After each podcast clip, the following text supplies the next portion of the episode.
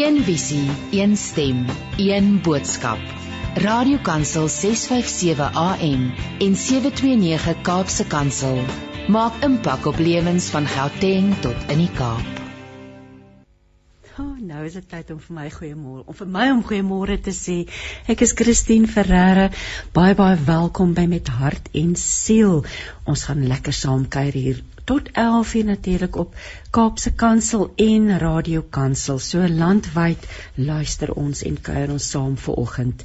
Ek gaan vandag gesels met skrywer Erika Maritron oor haar jongste boek Kom ons loop weg en sy deel haar hart oor haar en haar man se pad met Parkinson siekte. En daarna gaan arbeidsterapeut Karetta Badenhorst um, met ons praat en raad gee oor die hantering van persone wat aan Alzheimer se siekte ly en dan gaan ten einde laaste 'n teoloog en beraader, 'n ou bekend hier op die program, professor Wenzel Koetser meer vertel oor die omvang en die invloed van Parkinson siekte en demensie. So ek vertrou 'n leersame program wat um, wat gaan help en wat gaan inspireer en wat gaan hoop gee. Jy's natuurlik welkom om saam te gesels. Um, stuur vir ons 'n WhatsApp boodskap na 0826572729. Ek het dit goed gedink om vanoggend vir ons te lees uit Psalm 23. En gaan ons lees uit die boodskap en dit sê Die Here sorg vir my soos 'n herder wat sy skape oppas. Ek het niks meer nodig nie. Hy gee vir my die heel beste van alles. Kos, veiligheid en vrede. Omdat die Here by my is, bekommer ek my nie. Wanneer ek moedeloos word, laat hy my die lewe weer anders sien. Nou mooi daarin nê, laat hy my die lewe weer anders sien as ek moedeloos word. Hy gee my die krag om elke dag reg te lewe. Soos 'n goeie gids lei hy my elke dag om volgens sy wil te lewe almal in my almal in my lewe kan sien hoe belangrik God is. Selfs wanneer die lewe vir my so donker word dat ek nie weet watter kant toe nie, sal ek nie bang wees dat probleme my onderkry nie, want U is altyd by my. Dit troos my dat U my lei en beskerm. U laat my veilig voel. Soos 'n gasheer sit U net die beste van die lewe aan my voor. Hulle wat nie naby U lewe nie, kan maar net verleë toe kyk. U behandel my soos 'n spesiale gas. Ek geniet alles in oorvloed. U sal vir my goed wees en my lief hê solank as wat ek lewe. En ek sal naby U lewe tot ek die dag doodgaan. Psalm 23 uit die boodskap. Ons het nou vir Erika Tron op die Erika Marie Tron op die lyn, 'n um, bekende romanskrywer. En ek hou in my boek haar hand vas. Kom ons loop weg. Ons pad met Parkinson siekte. Agter op die boek staan daar: Ek maak 'n leer op my rekenaar oop en dit kry 'n kodenaam. Dit is net vir my oë bedoel, maar iewers moet ek nou kan uitpraat. Iewers moet ek nou kan eerlik wees. Terwille van selfbehoud moet ek weer begin verslag doen. In 2001 word Erika Maritron se man Tom met Parkinson siekte gediagnoseer. Kom ons loop weg, beskryf die laaste 3 jaar van sy lewe. In so 'n tyd kom die skrywer voor soveel keuses te staan. Sy vertel vreesloos eerlik van die ervaring om die fisieke en intellektuele aftakeling van jou lewensmaat te aanskou, die eise wat met sy versorging gepaard gaan en die emosionele inspanning wat dit kos om jouself te staal teen die stadige maar drastiese verlies. Goeiemôre Erika. Môre Christine. So 'n voorreg om vanoggend met jou te gesels en en baie baie welkom hier by met hart en siel. Erika, jy's bekend as 'n romanskrywer en ek wil nou dadelik vir jou vra uit die aard van die saak klink dit vir my jy het joernaal gehou en dinge begin neerskryf, maar wat het jou besluit om hierdie persoonlike boek dan uiteindelik te saam te stel en te te laat publiseer? Ja, dit was nie 'n boek wat ek wat ek beoog het om te skryf nie, want dit het maar net voortgevloei uit aantekeninge wat ek maar wat ek gemaak het oor oor jare, jy weet. Maar ja. uh, uh eintlik as 'n soort van 'n ontsnappingsplek of 'n ontvlugtingsplek of 'n 'n kalmwoordplek. En ek was nie eintlik van plan om 'n boek te skryf nie. Dit die boek het homself maar op 'n manier aangemerk. En die titel, ja? waar kom waar kom die titel vandaan? Ehm um, wel die die uh, die uh, dit is nie ongelang oor die titel. Jy weet kyk, ek, ek kan miskien 'n bietjie meer sê oor die oor die oor die oor die, oor die ontstaan van die van die boek net voor ek nou oor die titel net dit meer sê. Ehm um, ja, ja. Ek het ek het toe ek toe ek hierdie notas wat ek gemaak het weer weer gegaan het. Het ek skielik besef maar ek kan nie dit weggooi nie want dit is miskien net dit is miskien net iets te sê vir iemand in dieselfde situasie. Uh jy weet Skus tog Erika, as jy daar? Ja, nee, so dalk skielik voel ek hy daar. Ja, ja. Ja, die, ek het nie, ek het net skielik besef ek, ek dit is skielik nuttig en goed wat ek nou maar weggooi, weet ek het nie ja. ek het nie met met iemand anders gepraat of as as met myself nie want anders het skielik ook so eerlik kon gewees het nie. Maar uh die die uh, ek het nou op die ou uh, begin dink ek daaraan om dit nou miskien op 'n manier te formaliseer en te reviseer, dit is eenvoudig net in lyn te trek. Dit was net nou kusie wat nie meer dan nou. En dit titel het maar eers later op ons dit was eintlik die voorstel van van die redakteur geweest. Maar uh, dit kom uit die dit kom uit die boek uit self voort wat my man eendag vir my net gesê het, kom ons loop weg. Jy weet, ek dink dit spreek Eerst is die ons wat in hierdie situasie beland, want dit is nie net jy self nie of hy nie, dit is ons nie, dit ek hy ook nie dit. Um, maar die die saam wees, maar ook gee tot te opsnap en ook eintlik die onmoontlikheid om te opsnap. Die onverwenbare van die kan nie eintlik wegloop. Dit dit dit is besit van 'n intimiteit van van ons twee saam die saam in hierdie ding saam. So ek ek, ek verstaan dat dit nie baie veel baie goed gevoel dit was maar net op die ou weg. Kom ons praat 'n bietjie oor hierdie reis eh, van jou en jou man Tom met Parkinson siekte. Dit het begin met 'n klein tremor wat uiteindelik 'n reuse impak op julle lewens gehad het, nie waar nie?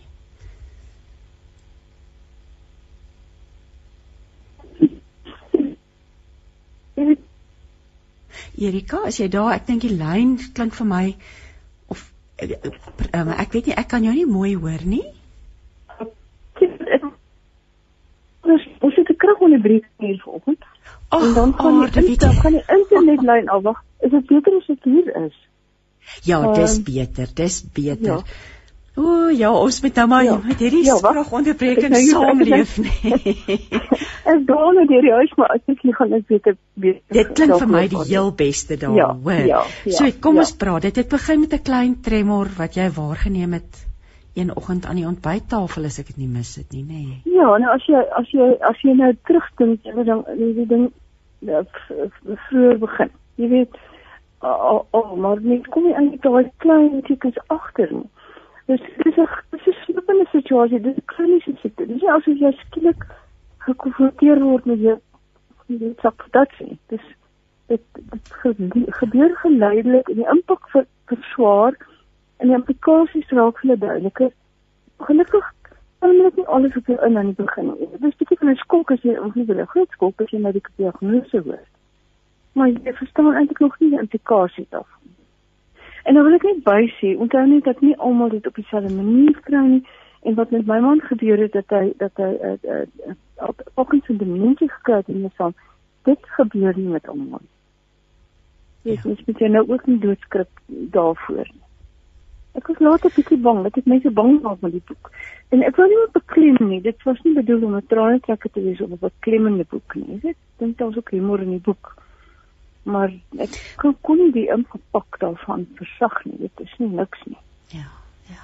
So die boek met wie is dit in gedagte geskryf? Behalwe dat dit mooi geskryf is en goed geskryf is het jy gedink aan ander mense wat in hierdie selfde situasie beland terwyl jy geskryf het? Of terwyl jy aan die boek gewerk het en die skryfwerk klink vir my was vooraf redelik ver gevorderd die, die basis was daar, jy weet, maar op die ou om aan die boek te werk is dit nogal wonderlike ervaring gewees want jy kry afstand en jy begin patrone sien en jy begin jy, jy weet jy begin die goed in in in in, in patrone in rangskik. Jy weet jy jy, jy, jy begin lyne sien. Jy begin tendense sien. Jy begin sien hoe jy self verander en en wat jy dit eintlik op die einde op vir jou gebring, jy weet? Maar dit dit gebeur gelei. Hierdie hele proses is baie geleidelik want dit het gebeur oor 'n hele klomp jaar. Ehm um, maar ek ek wil nou vir jou vra hoe hanteer 'n mens dit? Want dinge verander of in 'n oogwink, soos dalk met 'n motorongeluk of of 'n weet 'n aankondiging van al. Jy weet, mm. of of hierdie wat nou so geleidelik is. Is dit jy sê spreekwoordelik die krap of die kreef wat in die water kom in die warm water en dan besef jy eers later dinge is regtig fout. Hoe het jy hoe het jy dit beleef? Hoe ek ja, kyk jy jy presies net die volle impak daarvan nie. Maar jy word net terwyl daar ingesleer en jy beland in as 'n groepe, jy beland in 'n groep jy ontmoet mense in dieselfde situasie. Jou sosiale omgewing verander om op, op 'n manier mense praat met jou asof jy moet raad hê want jy is mos nou self in die ding ook, jy weet. Dis is dis dit is nie net 'n proses van ondergaan nie, dis ook 'n baie besliste groei proses. Want jy kom nie so daar uit as wat jy daar ingaan. Dit is nou is nou maar seker. Vertel ons 'n bietjie meer van die simptome en van die die die realiteit daarvan in in julle daaglikse lewe en die impak wat dit gehad het. Ek weet julle het planne gehad wel almal het maar planne vir die res van hulle lewe, maar jy het baie spesifieke planne gehad het, wat toe eintlik daardeur beïnvloed is. Ja, net sommer so die dag tot dag, die simptome, die hoe dit hoe dit gewa, hoe was dit? Dit is net amper nie skielik meer onthou nie. jy weet, dit word so deel van jou van deel van jou. Ehm um, dit dit ek kyk bokkes en siekte is 'n is 'n bewegingssiekte jy weet so dit strem eintlik mense se beweging. Mense raak stywe en span uh, en daar was groot een klein in 'n mini insident wat dis ook so besteek gesit het en daar was voetjies by die uh, by die voorbak jy weet en ek sê ek kyk daar voetjie maar toe net dat my man gereageer het en omgedraai gekom het is daai voetjie weg. Ja. Jy, jy weet jou jou jou blitsige reaksies jou jou uh, uh reflekse is nie alles stadiger en en dan begin jou bewegings se beweging raak stadig beweging raak stadiger ook die denkproses dit vat langer om te formuleer wat lank dit vat so lank om iets wat jy het om te sê gesê te kry dat die gesprek is alweer verder en en dan isoleer dit mense. En een ding wat ek in die boek ook aangeraak het, weet, is dat mense op verskillende maniere dit hanteer, jou vriende en jou familie nie almal weet hoe nie. En, en daar's ook nie 'n voorskrif nie. Ja. En, en, en ek kan of jy verseker mense is nie deegsaam nie presies nie. Jy is baie keer regtig heerlik jy vir ook baie keer op opstandige maniere of bietjie betel en meer of ek keer ek weet jy raak regtig wat jy nou sien in jou hart. En dan sou net alles in ongelooflike deernis en lief. Dit is ja. Krikelike dit is 'n pad. Jy weet jy kan nie dit regtig kan jy kom verseker nie lig dit daar nie. Maar jy moet daar is. Ek wil 'n bietjie vra oor oor die, oor hoe jou kinders dit hanteer want dit het uit die aard van die saak 'n impak op op die hele familie. Ek ek dink dis 'n basiese gegeewe dat dit is nie een mens wat getref raak nie. Die man word getref, die vrou word getref dit is nou eintlik 'n bietjie lank gevat om te besef maar ek dink tref my kinders, weet jy? Hulle het ek het 'n man met Parkinson se siekte, hulle het pa met Parkinson se siekte. En ek het dit ook aangeraak in boek. Ehm jy kan dit nie van hulle afkeer.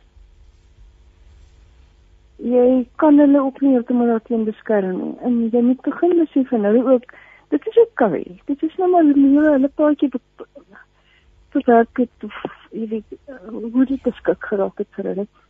Uh, daar is nie 'n mens op aarde wat nie sy stukkie seer kry en sy stukkie swaar is nie. Dis nou maar toevallig hoe jy nou gelyk het. En dis nie te sê die lewe is nie lekker of nie sinvol of so nie. Jy weet jy moet daar jy, jy, jy moet dit kan integreer met wat tyd. Vertel vir my 'n bietjie oor die of of vir ons luisteraars oor die want ek het nou die boek in my hand en oor die formaat van die boek want dit dit, dit daar's briewe, daar's dags dit, vertel jy vir ons bietjie net oor die formaat asseblief. Ja, ek is gewoond om fiksie te skryf, jy weet nie nie, nie fiksie nie. En en die ding is as jy fiksie skryf, dan dan verplaas jy goed wat met jou gebeur het. Jy herrangskik jy ehm uh, jy simboliseer sekere goed, jy verbeel sekere goed. As jy skryf oor goed wat met jou regtig gebeur het, ehm um, is dit heel dan 'n ander kapasiteit erg in die leer wat ek gemaak het en geding ingepoms. Ek het deel van dit beskryf in opmerkings van mense en dat spreek so aan. En dan liewe maar kinders van ander mense ek het altyd wonderlike vriende. Ek het sonder ander mense sê ek nie deur gekom het nie. Maar dit is baie so verhelderend. Jy weet, ehm um, ek nou op die ouens het, nou maar wat is nou die materiaal wat ek het, was daar getreed en dit maar deel daarvan. Ons het vreeslik baie uitgooi. Ek uh, ek ook onder die hand van van my kwaiers redakteur. Uh, ek ek ek ek moet jy goed uitgooi wat nie uh funksioneel is vir die doel van hierdie boek. Jy weet jy wil nie net verveel nie, jy wil ook nie net depressief nie, depressief laat nie. Uh, jy wil nie ek wil glad nie vir iemand preek of van iemand vertel uh, hoe om my idee te kom. Ek kan nie ek weet 'n feel good thing boekie skryf nie, dit is nou nie ek daai nie.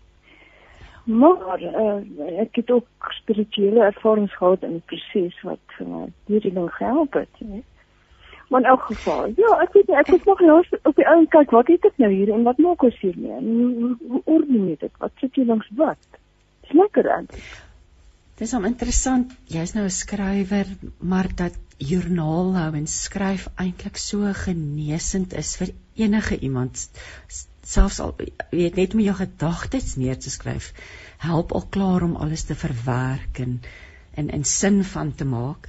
Ek wil nou vir jou vra ehm um, lesse, persoonlike lewenslesse want hierdie hierdie het jou aangeraak, diep geraak.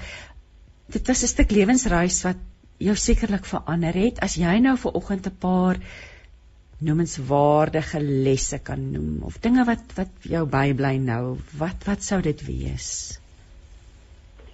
Ek dink kom baie nederiger uit so pad uit want jy voel jy weet nie hierdie sense of appropriation jy weet dit goed jou te kom dit dit dit het ek nooit gevoel nie en ek wil dit baie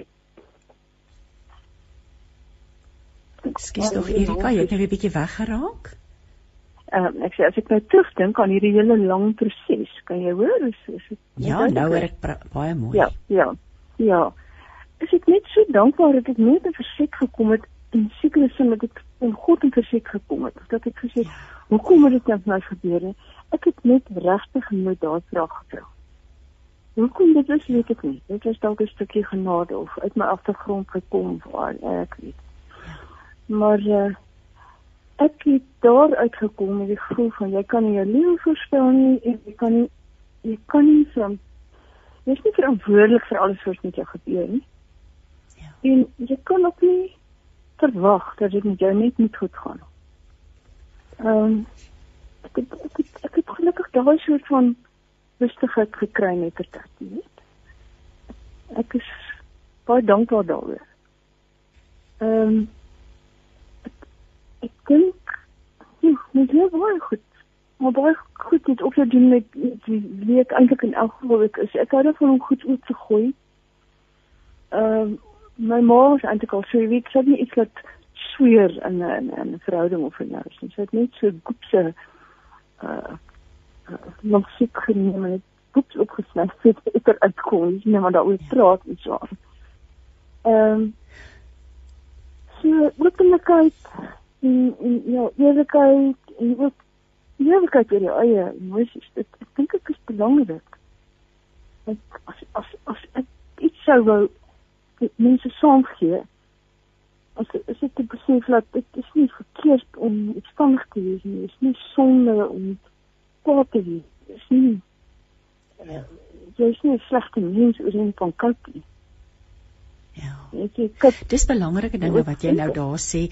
Um, hier's nou iemand wat sê hulle kan nie baie mooi hoor nie. So ek wil graag van hierdie goedjies herhaal of goed wat jy gesê het dat jy nie noodwendig vir die Here kwaad was nie, dat jy besef het goed gebeur met 'n mens, dat jy um, wil jy nie net weer 'n paar van daardie goed herhaal nie? Ek is Liana, ek ek het jou WhatsApp gesien. Ek is jammer, ons het ons het beurtkrag hier in Pretoria en dinge is maar 'n bietjie bietjie moeilik. So ehm um, Erika, wil jy nie net vir ons weer net daai so in 'n neutedop die die lesse, daai lewenslesse wat jy persoonlik geleer het herhaal nie asseblief. Ek kan nooit my eie neutedop onthou nie hoor. ja. Ek weet wat ek leer miskien die anders stel. Ek het nooit ek het nooit aan God gedink as iemand wat dat hy jou al hierdie goed aandoen of dat jy ja. dat dan gesit word en 'n beplan word en okay, jy weet hoe gaan ek jou nederigheid leer? Hoe gaan ek jou dit leer? Hoe gaan ek jou dat leer? Ek het maar net werklik ervaar binne dit alles wat dinge vir my self sinvol. Ja, nie rede nie, maar nie onsinvol nie. Ja. Ehm um, En die lewe het weer vir jou geluk gebring daarna. Ehm um, jy skryf hierso na Tom se dood het 'n paar nuwe deure vir my oopgegaan. Ek het doelbewus besluit om daarbey uit te stap. Ek het onder andere vir my oudste seun se lieflike troue oor see gegaan baie naby aan my vriendinne gegaan kom, saam met hulle uitgegaan, lesings bygewoon, uitnodigings aangeneem, nuwe vriendskappe in die aftree oortgesluit. Ek het skerf 'n skerfie glas voltooi, die boek oor my ouma wat aan my al 2 dekades lank as 'n ereverpligting op die hart gelê het en niks wat ek in al die jare geskryf het, het my groter bevrediging as dit gegee nie. En jy sê dit het meer dit het meer as 5 jaar geduur voordat ek die moed gehad het om weer die leer met die aantekeninge wat ek tydens Tom se siekte gemaak het op my rekenaar oop te maak. En dan natuurlik ehm um, het dan dit daar het naamlik intussen 'n ding met my gebeur wat ek nooit sou kon voorsien het nie. 'n Baie ou vriend wat 'n jare wat sy tevore sy vrou verloor het, het op 'n nuwe manier in my lewe gekom en ek in syne. Erika, dit is so positief om te weet dat die lewe aangaan, nê? Ten spyte van hierdie goed wat met ons gebeur wat swaar en moeilik is, nê? Nee. Ja, weet jy wat daar sit jy nou in 'n mooi net te dop eintlik regtig een van die lesse wat ek geleer het. Daar gebeur altyd nog en nog goed. En weet jy wat ek bly nou aftree oor 'n party mense beskou dit as 'n soort van 'n einde hoofstuk al, jy weet of so. Ek dink nie daar's klaar hoofstukke aan iets nie. Ek het uh, ek, ek ek het mense gesien wat wat eintlik dit leend is en wat ook emosionele of jy weet gedagte reise gaan en en en en, en nog kan groei. Maar alfa, dit was nou absoluut ongelukkig. Om Skus tog sê net weer nou het jy, jy opgebreek? Nee, ek sê dinge hou nie opgebeur nie. En goeie goed hou nooit opgebeur nie. En uh dinge ontwikkel in iets anders en daar's net altyd 'n nuwe daar's altyd iets nuuts op pad. Wat 'n wonderlike wonderlike gedagte om te weet, nê nee, Erika. Erika, ek wil nou by jou vir jou vra, waar kan hierdie mense hierdie boek in die hande kry? Die boek word uitgegee deur Protea Boekhuis. Um en hy's vars op die rakke, maar uh, het jy enige idee waar watter winkels waar kan mense hierdie boeke in die hande kry? Uh, goed, jy, jy kyk as die een basiese plek wat jy nou inligting kry. Ek moet stop net net weer terug ek sit net 'n papiertjie. Ehm as as jy by info Protea boeke sien ook dit dit enige kry. En boek aan hulle wil bestel maar jy kan nie die boek boekhandelaar kry. Die eintlike geheim is net net stap in die boekhandel in kry nie die boek nie, stap weer uit. Vra, mens moet net vra daarvoor. Dan dan bestaan hulle dit vir jou by die uitgewers. Ek het dit nou al uit verskeie skrywers se monde gehoor dat as 'n mens nie en ek wil 'n beroep doen op ons luisteraars, as jy van 'n boek hoor wat ons oor gesels of dalk iemand anders oor gesels en jy kry hom nie by jou plaaslike boekhandelaar in die hande nie, vra asseblief want hulle het partykeer net 'n paar in voorraad en dan kan hulle dit vir jou bestel. So ek dink dis dit is baie wys wat jy nou sê Erika, as 'n mens nie die boek in die hande kan kry nie. Ek wil nou vir jou vra watter skryf waarmee waarmee hou jy jouself op die oomblik besig? Is daar 'n boek in die pipeline waarna ons kan uitsien? Op op die oomblik net as jy maar Nee, maar ek sê in hierdie jaar weer getroud, jy weet, so dit is nou dit is laat om alles met sulke interessante goed te doen.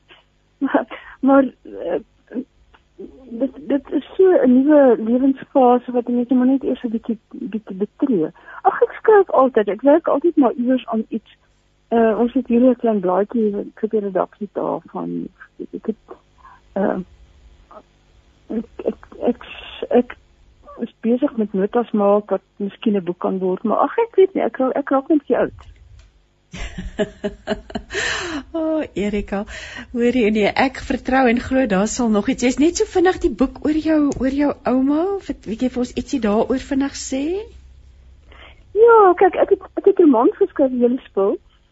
Maar hierdie was nou 'n biografie en dit het my jare se navorsing gevat en dit was net so lekker.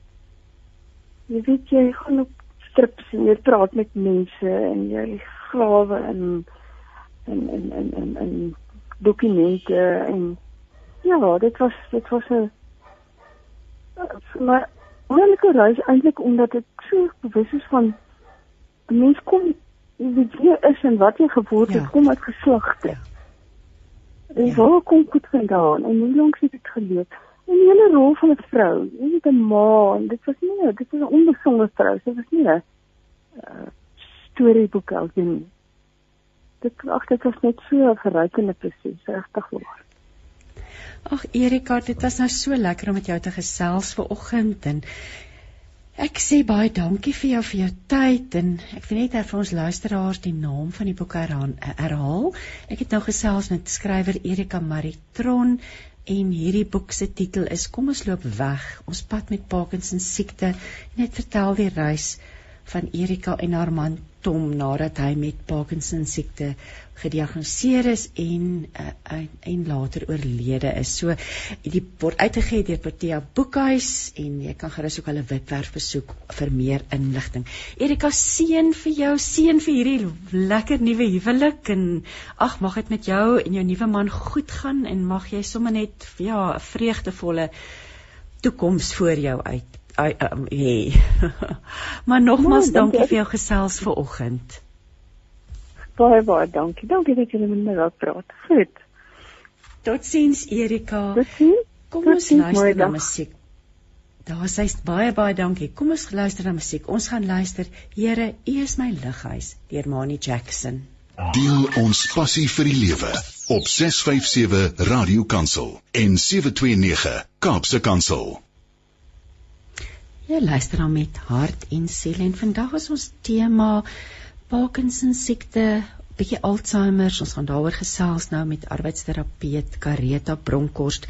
Ehm um, twee siektes wat wat prof Wensel Koetser nou nou in detail oor na gaan praat, oor gaan praat en ook na verwys as 'n persoonlike pandemie op 'n manier, maar môre Kareta, Ja, goeiemôre gaan dit. Nee. Kareta, jy is betrokke as arbeidsterapeut by ons tuiste huise vir bejaardes waar jy onder meer um, natuurlik op versorging van persone met Alzheimer se siekte fokus. Ons het nou gesels met Erika Maritron wat 'n boek geskryf het oor haar pad met haar man wat aan Parkinson siekte gely het. Hoe verskil Alzheimer van Parkinson siekte? Want daar's tog ooreenkomste, nê? Nee? Um ja, so albei um Parkinson's en demensie of Alzheimer, um, het dit met die neuroloog of die senuwees um, van die liggaam. Maar hoe dit verskil is um, die oorsaak daarvan en ook van die simptome verskil. So Parkinson's se um, se oorsake is meer die die neurotransmitter dopamien wat 'n gebrek het in die brein.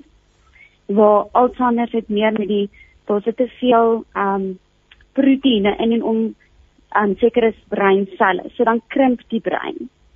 Um en met Parkinson, die simptome, soos ek sê, lyk like 'n bietjie anders.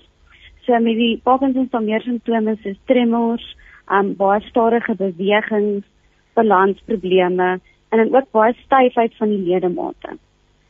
Um en dan met Parkinson kan jy ook um Parkinson se dementia kry. So die dementia is ook um so dieselfde as Alzheimer in die sin van daai um bietjie geheueverlies. Um maar dit is meer um die siekte toestand, die kroniese kondisie van die verstand is die demensie. En so dit is ook 'n ja. simptoom wat jy kan kry van Parkinson. So Alzheimer is dan die spesifieke toestand um wat veroorsaak word deur die proteïene wat in die brein um die breinselle in die um spesifiek affekteer. So die oorsaak is 'n bietjie anders as van demensie. Demensie kan ook veroorsaak word deur by deur besering van die brein. Maar Alzheimer is spesifiek dan die oorsaak van die proteïene as gevolg wat die wat rondom die breinselle is. Julle sê ehm um, ken Alzheimer, ken demensie by ons tuis. Kennis is mag sê die spreekwoord. So ek vra wil nou vir jou vra vandag um, om 'n paar wenke met ons te deel, 'n paar praktiese wenke oor die versorging en die hantering van iemand wat dan aan spesifiek aan Alzheimer se siekte ly. Um, dit nou 'n moeilike pad vir, vir almal wat naby aan hierdie mense is nie waar nie, nê? Ja, nee, hulle um daar's ook verskillende fases van van Alzheimer en van demensie. So dit um jy moet kyk om hulle verskillend op die verskillende fases te hanteer. So die fases werk waar hulle dalk net ligte simptome het, wat jy dalk net een of twee keer iets met her, herhaal tot baie ernstige um simptome. En wat ook moeilik is van die fases um kan hulle persoon ewe um fas persoonlikheidsverandering ondergaan. So dit is wat moeilik is van daai familie die die persoon is dalk nie heeltemal soos wat, wat hulle was voor die tyd nie. So dit is moeilik om hulle hanteer. So die beste om hulle te hanteer is om altyd positief te wees en baie geduld met hulle te hê. Um en hulle moet hanteer soos dit wat hulle vir jou gee, maak altyd um te luister tog na wat hulle wil hê en te, te maar herhaal as hulle vra dieselfde vraag gevra word, um dalk take wat hulle moet verrig in kleiner dele vir hulle oprig, nie alles op een slag vir hulle dalk te vra nie. En ook herhaaldelik hulle aandag te vestig op wat hulle dalk moet besig wees om te doen. As hulle besig is om 'n gesprek te hê om hulle dalk terug te bring aan die gesprek om dalk weer te herhaal waar waaroor word daar gepraat, wat word gedoen en dan ook om ehm um, dan aggressie om so hulle maar net 'n bietjie fisiese kontak te hê en hulle bietjie te kalmeer as hulle dalk geïrriteerd of ehm um, angstig raak want in in die middelfases van Alzheimer of so kan hulle bietjie ehm um, aggressief en geïrriteerd raak omdat hulle nie lekker weet wat wat er altyd om hulle aangaan nie. Dis moeilik want niemand ons ja, ons dis dit as jy voor hierdie situasie te staan kom ons is eintlik toegerus daarvoor nie nê. So eintlik alles verander. Jy sê kommunikasie is is 'n sleutel hoe jy met hierdie mense praat en dat hulle lyf dat jou lyftaal eintlik baie keer 'n sterker boodskap oordra as jy woorde. So hulle kom agter as jy gespanne is of sien jy agtig of ongeduldig raak. Ehm um, so geduld en 'n positiewe ingesteldheid klink vir my is noodsaaklik. Wil jy nie vir ons 'n paar van hierdie kommunikasiewenke deel nie asseblief? As as jy nou 'n ouer het of 'n of 'n familielid wat demensie het of Alzheimer het, hoe hanteer, hoe kommunikeer 'n mens dan met hulle? Ehm um, jy sê nie jy moet jou taal wat jy gebruik baie eenvoudig doen soos ons gaan nou eet. Ons gaan nou broodjies eet. Ons gaan nou sê die taal baie eenvoudig hou. Jy kan nie vir hulle ehm um, op 'n lang of of sommer net um hulle sukkel op baie keer met besluite neem. So jy moet hulle 'n bietjie lei na net een of twee besluite te gee in plaas van hier's ewen so eenvoudig soos klere en keuse van klere maak. So dalk moet hulle een of twee goed uit hulle kas uithaal en te sê kies van hierdie in plaas van net om wat wil jy aantrek vandag. Dit is vir hulle baie moeilik om daai baie keer ewen vas besluite te neem. So net op 'n om vir hulle baie eenvoudiger en korter sinne te gebruik en baie jou feite deur te gee wat jy wil wil deurgee. Um ja, jy kan nie ook nie vir hulle sê oor die jy verkeerd nie, jy moet nou so aantrek so dit maak hulle baie um gespanne. So om, om baie eenvoudig en simplisties te te praat en besluite te gee vir hulle en um ja, nie baie eenvoudig eintlik met hulle te praat. Dit is nie lanksin nie. Um en as hulle dan afdwaal om dan aan terug te bring oor wat wat wat jy wil hê of wat jy van hulle wil vra. Ek kyk nou na 'n lys van wenke wat jy wat jy deurgesit het. Jy sê probeer om afleidings en geraas te beperk. So vir dit 'n rustige omgewing maak hulle ook rustig dan. Ja, definitief. Jy moet nie baie halder goed jy moet um kontras in jou omgewing hê. So um hulle sukkel op selfs met um lig en donker sien, maar jou omgewing moet baie dieselfde wees. Nie goed sommer skuif in jou omgewing nie. Baie eenvoudig hou. Um ja, sien dit en en hulle hou ook nie van verandering in die omgewing nie, so jy weet dit dan ook angs om nie goed op dieselfde plekke te hou, eenvoudig te hou, duidelik te merk wat dit is. Ehm um, dat hulle nie net mekaar is oor nie. Ehm um, ja, so baie eenvoudig, baie ehm um, simplisties hou, ja. Die belangrikheid van herinneringe, want hierdie persone onthou nie noodwendig wat 'n uur gelede gebeur het nie, maar herinneringe van ouds is vir hulle dit kom kom baie keer dit vloei sommer dan net, nê. Nee. Ja. So ehm um, selfs in arbeidsterapie in groepe en so wat ek wat ek in ons ehm um, reminiscence. So hulle brein kan nie die nuwe nuwe herinneringe, nuwe denke ehm um, vorm nie, maar om hulle te herinner aan ou daai die ou herinneringe in die langtermyn ehm um, gees gewoonlik nog redelik daar. So ons ons doen dan mense om byvoorbeeld altyd te foto's vir hulle te gee om bietjie daai herinneringe en emosies te ontlok en dit werk nogal goed vir hulle. Hulle onthou baie beter, hulle onthou nogal goed. So dit is goed om hulle om hulle um eerder op daai goeders te probeer um fokus as wat op die nuwe goed wat hulle nie meer kan kan onthou nie. So dit is goed om bietjie op die ou foto's, ou goeders te um hulle daaraan te herinner. Ja. Kom ons praat oor gedragsprobleme wat wat kop uitsteek by by iemand met Alzheimer. Okay, so um 'n groot ding met hulle is um nie net gedrag maar wat jy baie hulle kan sien is hulle dag en nag um draai om. So hulle wil wakker wees in die aand en dan slaap hulle deur die dag. So dan is dit baie moeilik om hulle te hanteer in die aand. Hulle wil sommer baie van hulle loop loop sommer impulsief rond. Hulle raak bietjie um impulsief oor seker oor sekere goed. Hulle kan ook um, baie aggressief raak in die middelfases van demensie. En baie mense dit is ook 'n moeilike deel vir die families om te hanteer omdat hulle dalk nie daai persoon se persoonlikheid was dalk nie um in die begin so gewees nie. Um so dit is moeilik om daai baie keer gele medikasie vir die gedrag te doen net om hulle bietjie rustiger te hou. Maar die belangrikste is om hulle dan die dag en nag wat nogal nogal omdraai wat nogal groot probleme veroorsaak. So om hulle deur die dag dalk met eenvoudige take dalk besig te hou om 'n goeie rotine te skep deur die dag.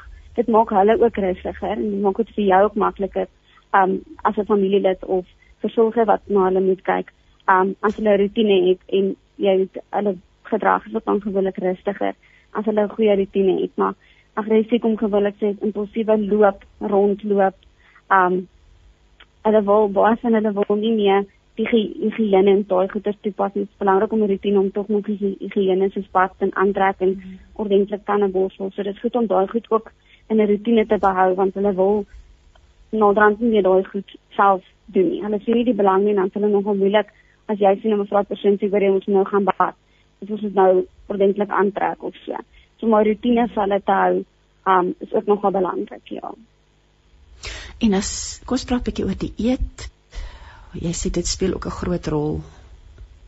Ja, 'n belangrike gebalanseerde dieet is gewoonlik goed, nie te veel suiker, nie te veel goed op verkeerde tye, ook maar die regte tye eet.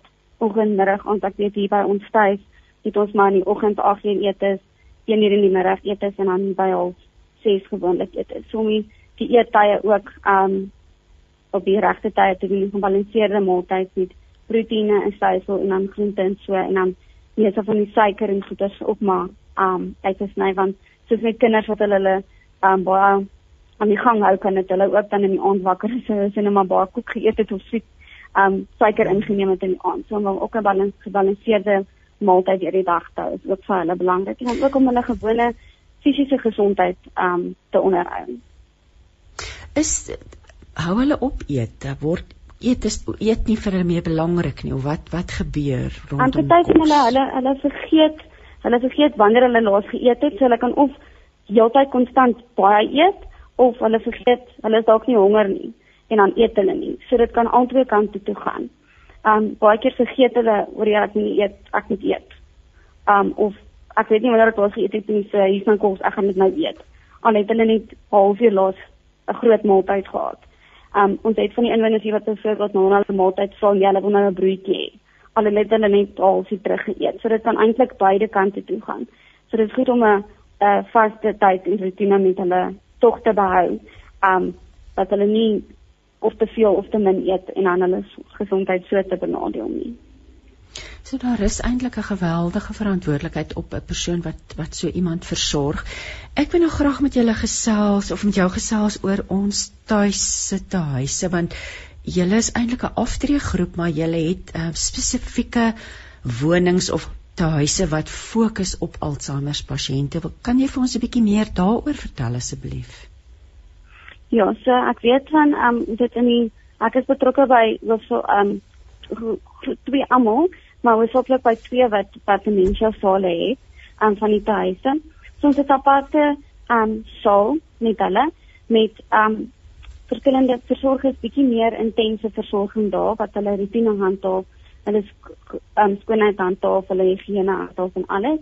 Um en die groot ding daar is dit is 'n toesaal sodat hulle nie wegloop en verdwaal um en so want hulle kan baie keer dan weet hulle nie waar hulle is nie. Um daar staan sekuriteit, hulle loop verby die sekuriteit. So die belangrike ding van hulle is om hulle veiligheid um te bou. So dis hoekom dit moeilik is om hulle net in 'n gewone ouer huis te sit wat nie daai um weet dat die ouens net gaan wegloop nie, dat hulle nie net in die algemene sale en kan uitloop by die fasiliteite nie.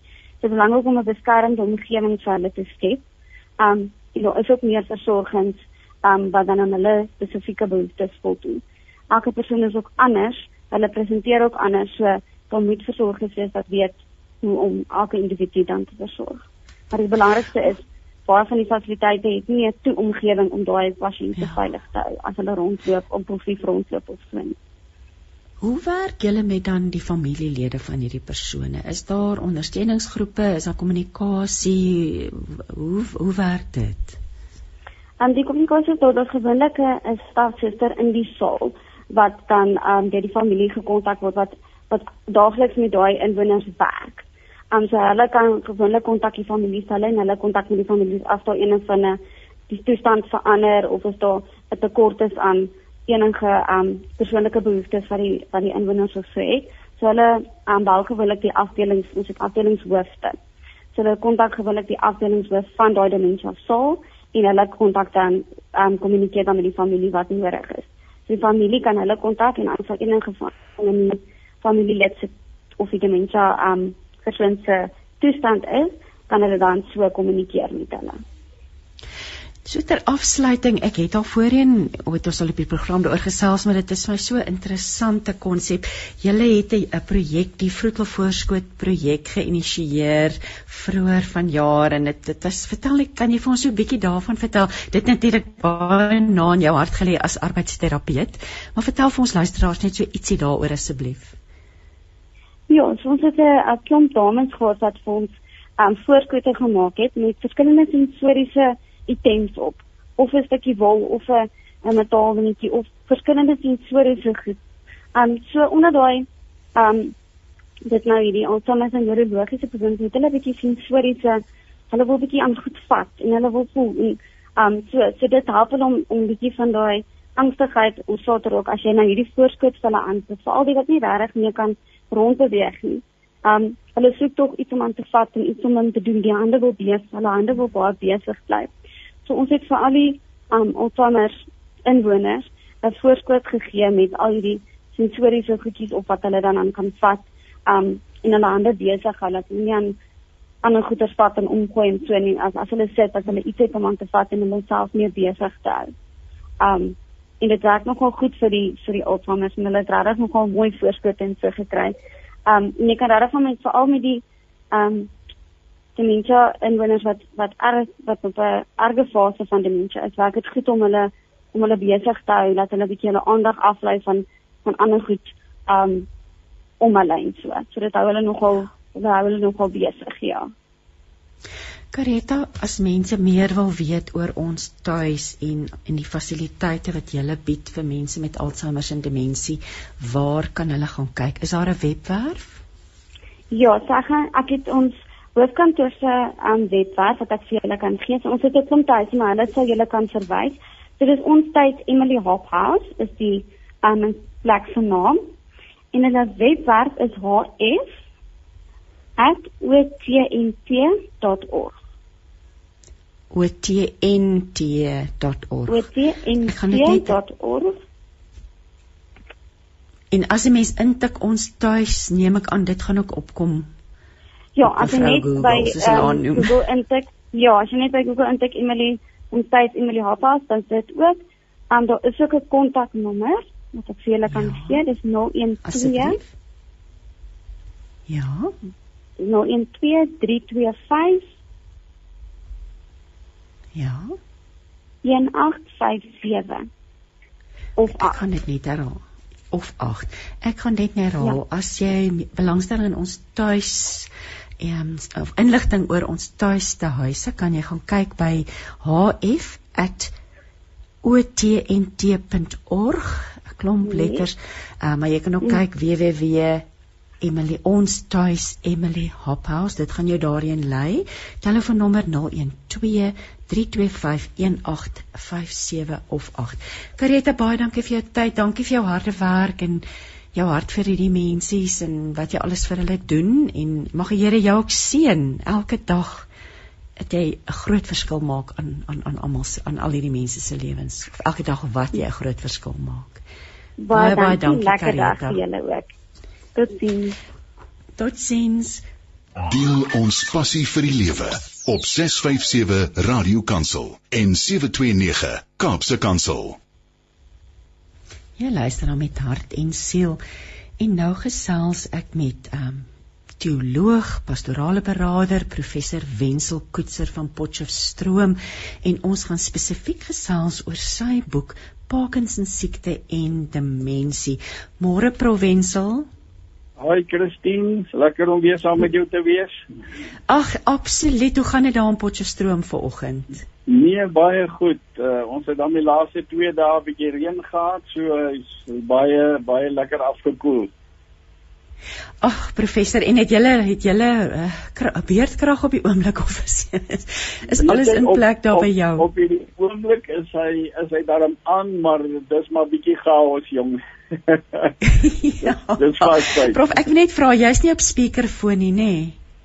Ja, ek is. Wil jy sal jy omgee om so met die rekeniefoon te gesels? Hy maak so 'n bietjie van 'n ekho. Okay. Kom ons Okay. Is hy beter nou? O, baie baie beter. Baie dankie daarvoor. Provensel, ons het nou gesels met Erika Maritron, ehm um, wat 'n boek geskryf het oor haar man se pad met Parkinsons. Ons het so 'n bietjie gesels met 'n arbeidsterapeut oor wat uh, uh, die versorging hanteer van Alzheimer by ons tuis, ehm um, te huise in Pretoria. Ek wil graag dat jy vir ons die simptome en die algemene kenmerke van Parkinson se siekte vir ons beskryf asseblief. Goed, as ons dit sommer so vinnig moet opsom, uh bewerasie uh wat 'n baie algemene uh kenmerk is, die handskrif wat al kleiner word, woorde wat saam geforseer word. Dan uh, praat hulle van bradykinesia die die fisiese beweging wat al stadiger word en uh hoe, hoe verder die proses gaan kan dit 'n stadige skuifelende stap begin word met klein treukies dan ook spierstyfheid en rigiditeit uh wat dit moeilik maak om rond te beweeg dit kan die gesigsuitdrukkings beïnvloed. Uh, mense mag lyk asof hulle ernstig en depressief is terwyl dit nie eintlik die geval is nie. Uh pynlike spierkrampe kan hier hieruit voortspruit, spruit styfheid en of pyn in die skouer of heupe. Dan onstabiliteit rakende postuur. Die onvermoë om stabiele en regop postuur te handhaaf uh en ook te voorkom dat daar geval word. Al meer probleme om te stap. Die normale swaai van die arms wanneer ons loop uh by hierdie persone uh neem dit af. Uh tree al kleiner en al stadiger. Dan die stem, die stem wat al sagter of al heeser raak en en selfs kan verdwyn. En uh as hulle praat uh baie woorde saamgegroepeer en en of stottering. En dan lighooftigheid baie beleeflik hooftigheid wanneer hulle opstaan uh en dit kan verband hou met uh lae bloeddruk wat uh wat dan ook gekoppel is aan aan uh Parkinsons. As ons kyk na nie motoriese simptome steurende steringe rakende reuk, vroeë aanduiding verminderde sensitiwiteit ten opsigte van reuke, die reuksintuig, al meer slaapprobleme om aan die slaap te raak en aan die slaap te bly, skielike bewegings terwyl hulle slaap, depressie en angs wat uh, heel dikwels na vore kom en soos die proses vorder psigoses uh hallusinasies sien dinge, hoor dinge wat ander mense nie sien nie en heeltemal hou dit maar verband met die dopamien. Ons sal net nou 'n bietjie praat oor die die dopamien vlakke wat uh uitgeput raak in die brein. En dan nou kognitiewe veranderings. Uh al meer probleme met denke, regte woorde, regte oordeelsvermoë en ek dink veral ook as die demensiefaktor al meer uh, 'n rol speel kyk by by Alzheimer's is dit tot 70% van pasiënte wat wat dan ook met demensie worstel by Parkinson's 30 tot 40% so die demensie is 'n is 'n baie groot groot komponent Uh dan interessant die tyd kom dit later. Is dit iets wat jy, later gebeur? Dit, dit lyk vir my die die demensie as demensie da, as demensie aanwesig is dan dan is van die eerste simptome tipies demensie simptome. En dan in die ondersoeke sal hulle dan moontlik agterkom goed uh, Parkinson's is deel of Alzheimer's is deel daarvan, maar demensie is gewoonlik van jou heel eerste simptome. Die kognisie, die vermoë om te onthou en te herken. Loopspoed is 'n interessante een dat hulle dat hulle met uh, behulp van 'n instrument alreeds mense op 'n relatief jong ouderdom die loopspoed meet en dat hulle selfs hier op 'n ouderdom van 40 al kan aantoon dat afhangende van die loopspoed hoe groot is die risiko van byvoorbeeld later demensie. Eh dan sommer ietsie soos hartlywigheid ook baie algemeen en 'n laaste enetjie hulle praat van die BMI body mass index formule waarmee hulle jou lengte neem en jou gewig en dan bepaal hulle is jou gewig binne perke. En uh dan sou dit nie binne perke wees nie. Een studie het byvoorbeeld onder vroue aangedui dat die risiko vir uiteindelike demensie amper 2 keer hoër was by diegene wat oorgewig was waar hierdie BMI formule dus ag al in die 30 jaar of die 40er jare gebleik het uh, jy weet dan se gewigsprobleem. En dan maak van ons nou reg op sit prof. jo, Dit is om interessant my... so as jou daai balans uit is wat dis mens wat body mass index as dit ja, uit is ja. het jy verhoogde risiko vir demensie. Ja, want dan ja. as hy uit is, meen dit jy is eintlik oorgewig, jy's jy's obees en dit maak die deur oop vir wat ons nou nog weer sal terugkom 'n uh, aspek soos inflammasie wat deurgaan na die brein toe. Inflammasie maak weer die deur oop vir uh, vir breinkrimping en uiteindelik uh demensie. So wat 'n wonderlike motivering vir ons om ons gesondheid op te pas, nê? Hoorie absoluut. Dink die langtermyn gevolge, dinge wat jy nie nou al, al aan dink nie, wat moontlik ja, met jou kan gebeur. Nee, reg eet, reg oefen, reg drink, krities belangrik. Prof, wat veroorsaak hierdie siekte? Weet jy goed, uh baie interessant uh die die eerste studies wat hulle nou die ding geïdentifiseer het, het hulle besef daar's 'n deel in die brein, die substantia nigra wat uh, dopamien produseer, maar hierdie deel van die brein die selle begin sterf en dit meen die dopamien vlakke begin daal. En dit was 'n eerste belangrike deurbraak dat hulle kon vasstel goed waar begin die probleem. En uh hulle het byvoorbeeld gevind dopamien vlakke in die brein oor die algemeen 10 keer laer by persone met uh met Parkinson's en en selfs ook Alzheimer's 10 keer laer as die gemiddelde ander persoon. En goed, toe moes hulle nou verder uitvind maar wat veroorsaak? Wat veroorsaak hierdie proses? En uh toe het die groot deurbraak gekom dat hulle gevind het uh spuitmiddels waarmee 'n plaagdoders byvoorbeeld is een van die goed wat bo aan die lys is. Uh en oor jare, hoeveel duisende, miljoene mense wêreldwyd was daaraan blootgestel en die navorsing het verder gewys in landelike gebiede onder jou boeregemeenskappe en dis internasionaal is die vlakke van Parkinsons die hoogste. Uh want dis die ouens wat wat blootgestel was en ek noem maar 'n naam soos Paraguat, baie algemene plaagdoder wat eers in Junie 2020 is hy in Suid-Afrika verbied. En duisende mense en hulle kinders was hieraan blootgestel. Retinol nog een en Agent Orange is byvoorbeeld 'n middel wat hulle in die Amerikaners in massas in tonne maat gebruik het tydens die Vietnamoorlog om die die beboste dele te bespuit met vliegtye sodat hulle die Vietkong soldate wat daar weggekruip het kon identifiseer. Maar nou het duisende soldate uh was blootgestel daaraan en duisende van hulle is later geïdentifiseer met Parkinsons. So ons sal net nou weer iets sê, maar dis dis 'n geweldige groot faktor. Dan uh met genetiese toetse, DNA toetse kan hulle deesdae byvoorbeeld vasstel. Hulle praat van 'n ApoE4 geen. As jy twee kopieë van daai geen het, het jy 30 tot 60% kans 'n risiko van Parkinsons. Uh dit meen mens kan nou al as as daar dit in die familie reeds is, sou 'n ou so 'n toets kon doen laat doen om te kyk is daar 'n risiko. Dan uh die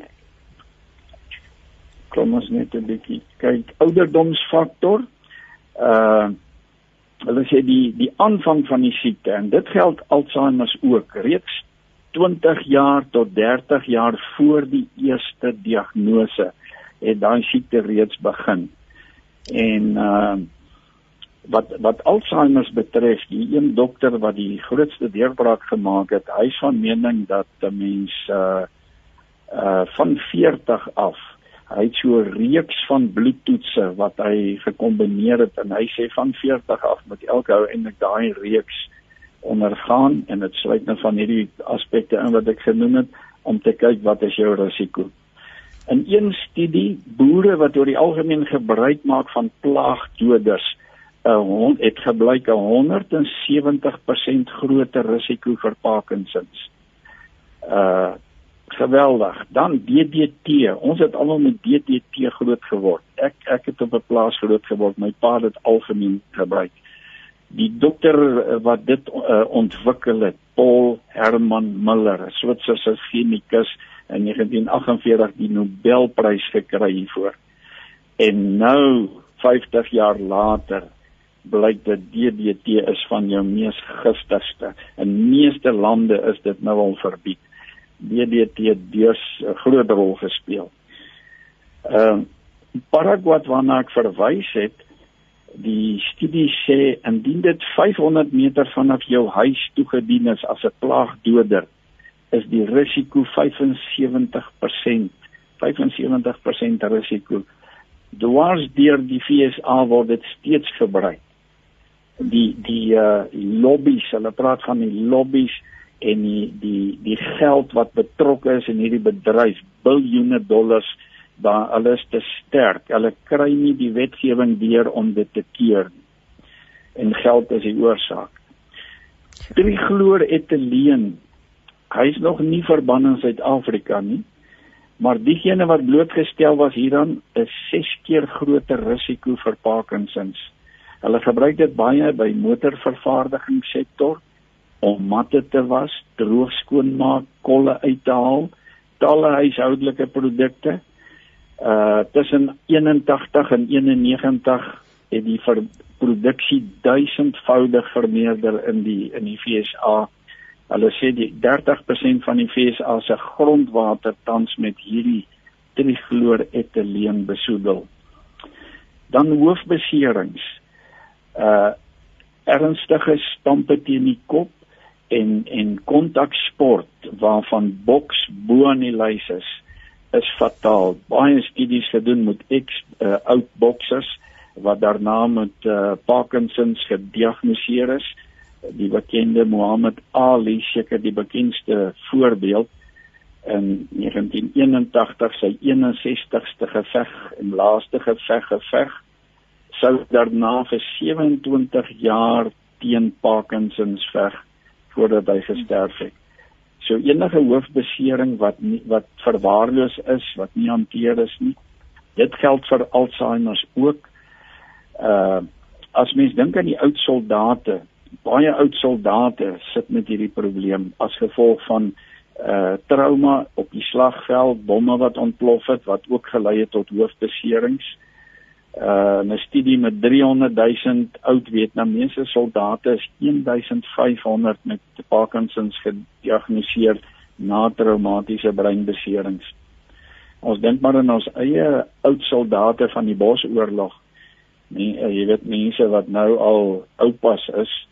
Uh hoeveel van hulle worstel dalk met Parkinsons en dat hierdie die die die oorsprong is. Hoë bloeddruk wat verwaarloos word.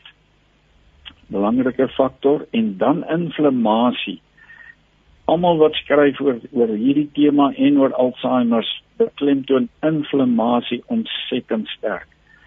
Uh en dit gebeur byvoorbeeld wanneer die liggaam reageer op aanvalle, het sy deur besering of infeksie of siektes, uh sekere voedsel wat nie baie gesond is nie, uh toksiese stowwe, lugbesoedeling en dan veronderstelde bedreigings soos stres en bekommernis. Jy gaan deur lang fases van stres en bekommernis, jou jou liggaam reageer asof dit 'n konkrete bedreiging is en dit loop uit op inflammasie en dit maak jou kwesbaar vir demensie. Uh dan as ek sommer so vinnig net verder loer, ons het genoem die kwessie van obesiteit, uh ja. baie belangrik in hierdie ding van uh geprosesseerde voedsel, uh hoogs hoogs geprosesseerde voedsel wat noem gemorskos, junk food, kitskos, uh hy hy dra baie by tot obesiteit as gevolg van die hoë konsentrasie kalorieë en soos hulle dit beskryf dis inflammatoriese voedsel. En uh hy hy hy kan bydra tot diabetes en hy verhoog uiteindelik hierdie inflammasie en hy en hy maak dit deur ook vir dit vir uh demensie suiker suiker is hulle beskryf hom as gif. En ons moet almal almal werk aan aan die verbruik van suiker. Oormatige suikerverbruik uh 'n reeks van van probleme wat daai voortspruit onder andere veroudering veroudering van die geheue en algemene versnelde veroudering wat saamloop met demensie. Dan dinge soos tabak uh baie skadelik uh versnel veroudering, versnel demensie, onwettige substansies, uh, straatdwelms, metamfetamien, die tipe van ding uh uh alles bydra tot uiteindelik inflammasie en dan uh demensie. Swaar alkoholverbruik uh skadelik vir die liggaam, bevorder veroudering, verhoogde risiko vir demensie uh slaap. Slaap baie belangrik genoeg ure slaap in kry elke nag uh te min ure versnel veroudering en verhoog die risiko van demensie en wat slaap betref net die ding van snork veral by 'n groter persentasie mans uh wat aaneindelik slaap apnee het. En dis daai daai snork jy hoor hy gaan op hy gaan op tot hy so 'n breekpunt bereik dan hou hy op asemhaal. En dan kan hy vir vir tot 90 sekondes ophou asemhaal dan kry die hart en die brein nie genoeg suurstof nie en dit dra by tot Alzheimer tot Parkinsons omdat dit die demensie bevorder. So ek dink dit dit is so ongeveer uh Christine sou ek sê van die wat nou baie prominent is. Prof Hensel, ek moet sê ons moet vir my is die sleutel gesonde leefstyl. Jy maak ons bang met al hierdie. Ons gaan nou gesels oor die voorkoming, maar as ja. jy mens kyk, die dinge wat mens dan wetend en onwetend aan blootgestel is vir vir 'n leeftyd lank al, maar daar is natuurlik goed wat ons kan doen. Daar ja. is sleutelaspekte wat jy oorskryf in die voorkoming van demensie want dit is eintlik goeie nuus nê nee, dat dat ons Ja. kan dit voorkom. Ja. Vertel ja. vir ons 'n bietjie meer, hoe voorkom ons dit? OK, uh ek het nou genoem fisiese oefening al die ouens beklemtoon dit geweldig. Hulle praat van die oksiderende stres in die liggaam wat opbou en fisiese oefening laat hom afplat. Uh dit bevorder produksie van nuwe neurone. Daai neurone wat baie keer sterf in die brein, fisiese oefening kan nuwe neurone skep. Dit bevorder vrystelling van breinproduserende gemoedaktiveerders, mood elevators. En dit verbeter verbeter insuliensensitiwiteit en bevorder gewigsverlies. Is net maar sommer net so 'n paar in die breek en ons sê dit werk teen demensie as jy genoeg fisiese oefening kry en en in met ander woorde dan teen Alzheimer, teen Parkinsons. Stimulasie van die denke baie belangrik. Die denke moet besig gehou word en daar's nou 'n hele lys van dinge wat hulle voorstel. Ag party ouens byvoorbeeld om te leer om te dans, te leer om 'n uh die wat nog fiks genoeg is dalk 'n bietjie tennis te speel, 'n uh, nuwe taal aan te leer, nuwe instrumente bespeel, 'n kursus wat jy loop, die bou van legkaarte. Die die brein moet besig gehou word. Dan streshantering uh hier vergifnis teenoor ander. Die aksie van vergifnis kalmeer die stresbane, verminder die inflammatoriese aftakelingsproses in die brein. Daarteenoor kan ons sê bitterheid en wrokke is toksies en dit aktiveer die brein se stresbane. En dit kan weer lei tot verhoogde oksiderende stres en skade aan gesondheid op fisiese geestelike, die mental area en ook verhoudingsvlakke. Deur dit te vergewe raak ons bevry van die saamdra van die toksiese emosies van woede en bitterheid. So vergifnis baie belangrik. Uh ontwikkeling van gesonde verhoudings. As daar gesonde verhoudings is, het jy minder stres en spanning. Nou stres en spanning hy maak weer die deur oop vir daai inflammasie en en die kettingreaksie wat volg wees 'n gewer om liefde te betoon teenoor ander mense is gesond vir die brein. Verskeie studies bevestig dat om vrywillig betrokke te wees by ander lei tot beter gesondheid, laer bloeddruk, minder gebruik van voorskrifmedikasie, eh onafhanklikheid vir 'n langer periode in jou lewe, handhawing van onafhanklikheid en laer vlakke van demensie. Dan interessant, hulle verwys na uh teatriese vermaak, theatrical entertainment, hulle sê dit moet ons minder maak. En dit gaan oor waar jy ure voor 'n TV sit en jy kyk na na 'n spanningsvolle traumatiese verhale waar daar baie trauma, moord en doodslag is en daai is teatriese vermaak. Maar dit dit uh aktiveer weer die stresbane in die brein en dit verhoog inflammasie deur die liggaam. En en uh nou wat hulle verder sê die brein kan nie altyd onderskei tussen dit wat fiktief is en dit wat werklik is. Jy kyk na hierdie moord en doodslag en die brein interpreteer dit as werklik en dis hoekom daai daai stresvlakke soveel hoër gaan. Dan bou 'n verhouding met die God van liefde individue met 'n gesonde spiritualiteit en 'n gereelde stilte tyd spandeer in verhouding met God ervaar oor die algemeen verminderde vlakke van angs en stres en in die geheel 'n meer sinvolle en bevredigende lewe.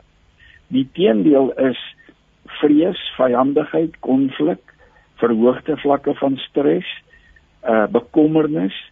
Dit alles bevorder uiteindelik inflammasie en is ongesond vir die brein. Dan net so ietsie oor voeding en lewenstyl. Uh die ete wat hoog is en wat hulle nou na verwys as versadigde vette en suiker. Dis daai die ete wat inflammasie en oksiderende stres versnel. En hulle verwys veral na die tipies Amerikaanse dieet wat baie hoog is met hierdie met hierdie faktore. Daarteenoor praat hulle van 'n 'n mediterrane dieet. mens kan nou maar 'n bietjie gaan Google dan jy nou presies sien uh wat is die die bestanddele daarvan maar tipies groente, peulvrugte, uh vrugte en heelgraan uh Vitamiene B12 moet deel wees van die daaglikse dieet. Dit bring uh en die bloedtoetse moet gereeld getoets word vir Vitamiene B12 aangesien verskeie faktore soos byvoorbeeld ouderdom die absorpsie hiervan kan benadeel. En dan ek, uh, kan ek jou in die rede val hier's ja. nou 'n luisteraar wat 'n mooi boodskap hier vir ons stuur. Sy sê Na aanleiding van julle huidige uitsending oor Alzheimer, my skoonmoeder het die laaste 12 jaar van haar lewe Alzheimer gehad en ons het haar met hulp tuis versorg tot haar net voor haar 91ste verjaarsdag. So dankbaar ons het die krag gehad om dit te doen. Solidio Gloria.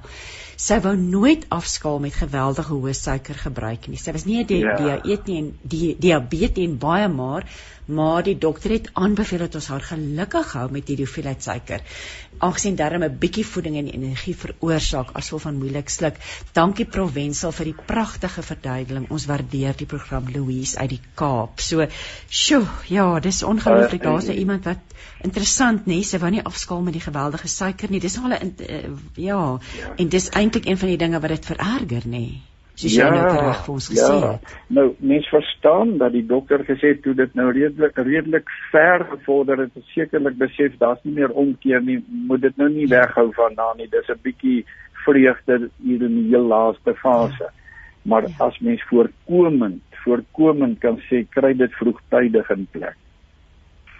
Maar hierdie prof dis wat die Engels het 'n mooi woord daarvoor 'n wake up vir daarvoor 'n wake up call want ons ja. dink nie dat hierdie goed met ons gaan gebeur nie as ons jonk is ja. dink ons ons ons gaan vir ewig leef ons gaan vir ewig ja. gesond wees en op 'n ja. dag is jy eintlik want jy praat van hierdie mensgemaakte pandemie het ons al hierdie ja. goed aan onsself gedoen in aanhalingstekens nê nee. En en wat die ouens sê, 'n siekte soos Parkinson's 200 jaar gelede voor die industriële revolusie was daar was dit onbekend. Die industriële revolusie het hierdie ding gegenereer met al hierdie plaagdoders en spuitmiddels en lugbesoedeling. Ek kom ek noem net vinnig uh, uh, nog so 'n paar puntjies rondom hierdie voorkoming omega 3 wat uh vis, die belangrikheid van vis. Een studie aangetoon diegene wat vis 2 tot 3 keer per week eet het 'n risiko vir Alzheimer 50% oor 4 jaar verminder het. Vis baie belangrik. Ginkgo biloba is 'n um, middel af diskem in die plek jy dit oral anti-inflammatories en dit help om denke en geheue skerp te hou. Die middele wat hulle vir studente voorskryf as hulle studeer bevat gewoonlik ginkgo biloba. Vitamien D baie belangrik keer geestelike mental agteruitgang en demensie kurkumin uh, ons ken hom as borrie anti-inflammatories antioksidantiese voordele uh werk teen teen demensie okernete het die vermoë om die kwaliteit van kognitiewe vermoëns te verhoog aanbeveel 'n handvol okkerneute daagliks. Dan groen tee.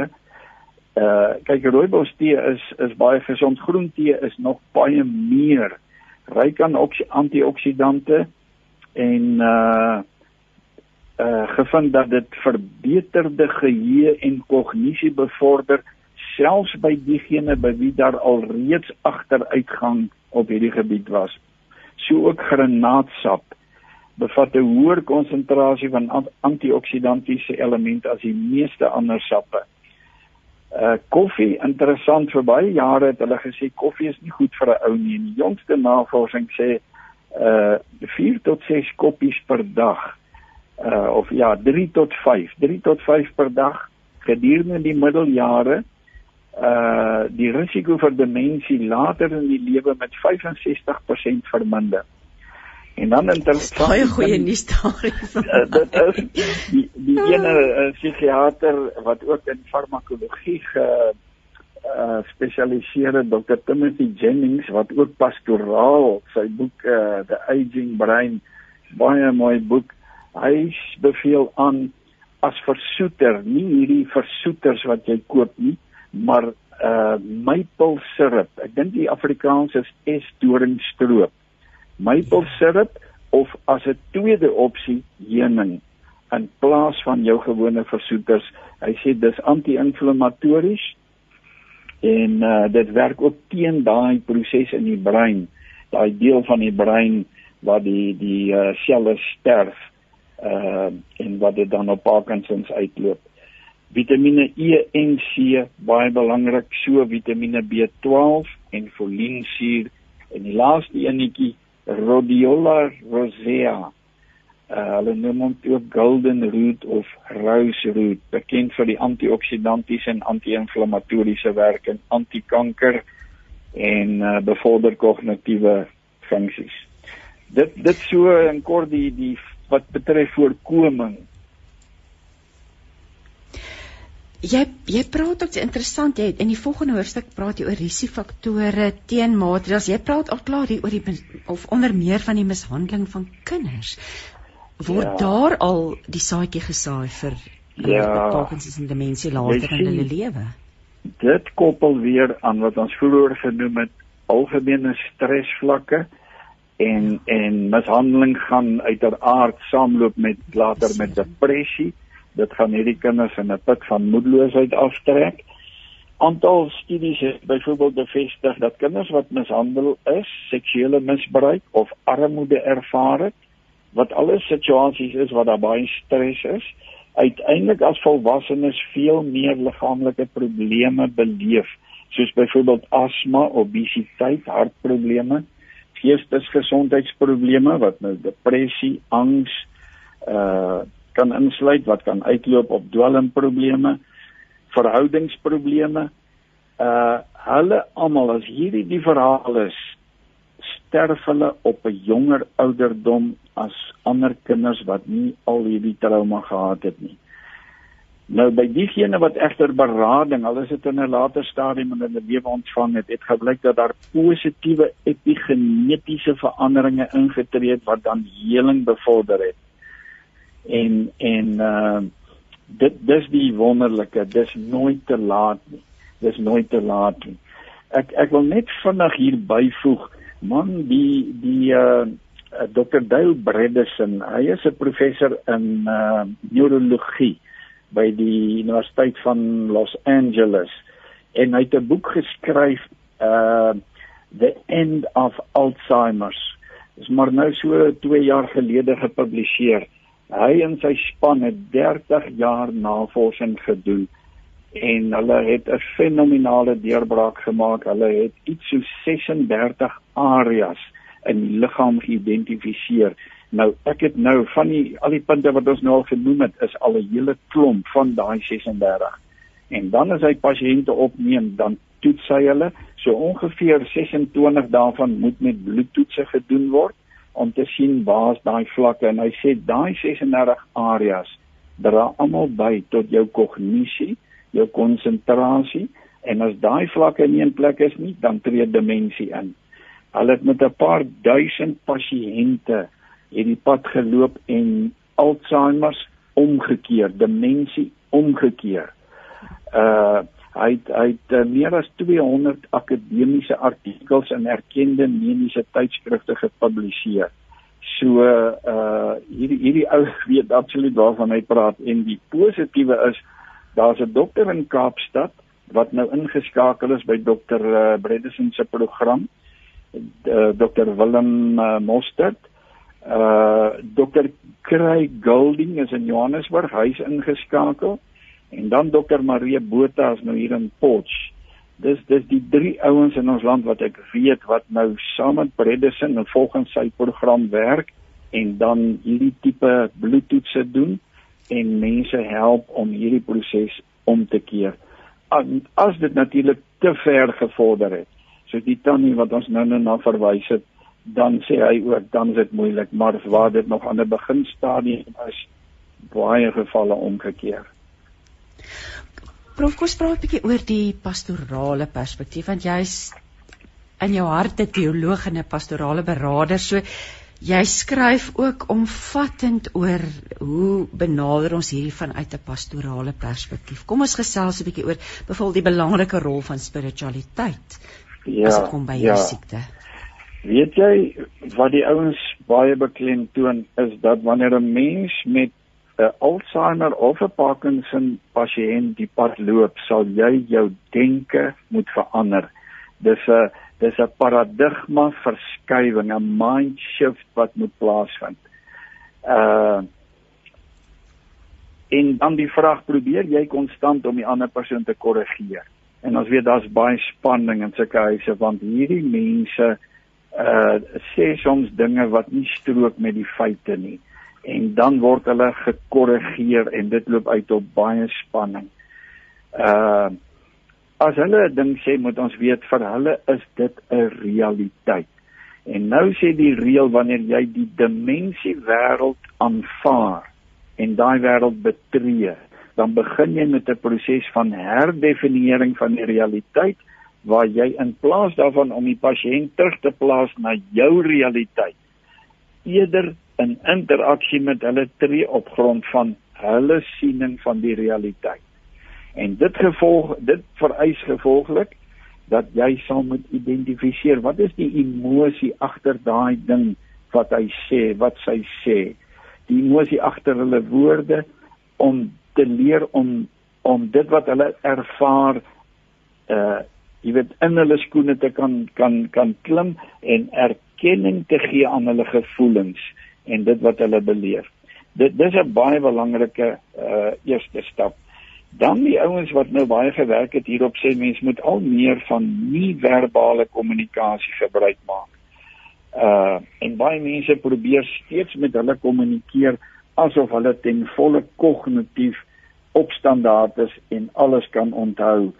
Uh as daar byvoorbeeld harde woorde is van die pasiënt, dan moet daar nie teruggereageer word met gemeenheid en harde woorde nie. Reageer eerder met liefde en sagtheid en ook uh, handbewegings en gesigsuitdrukkings blyk meer effektief te wees hoe meer ons daarvan gebruik maak in in dit wat ons wil kommunikeer as om baie rasioneel intellektueel met hulle met hulle te probeer kommunikeer.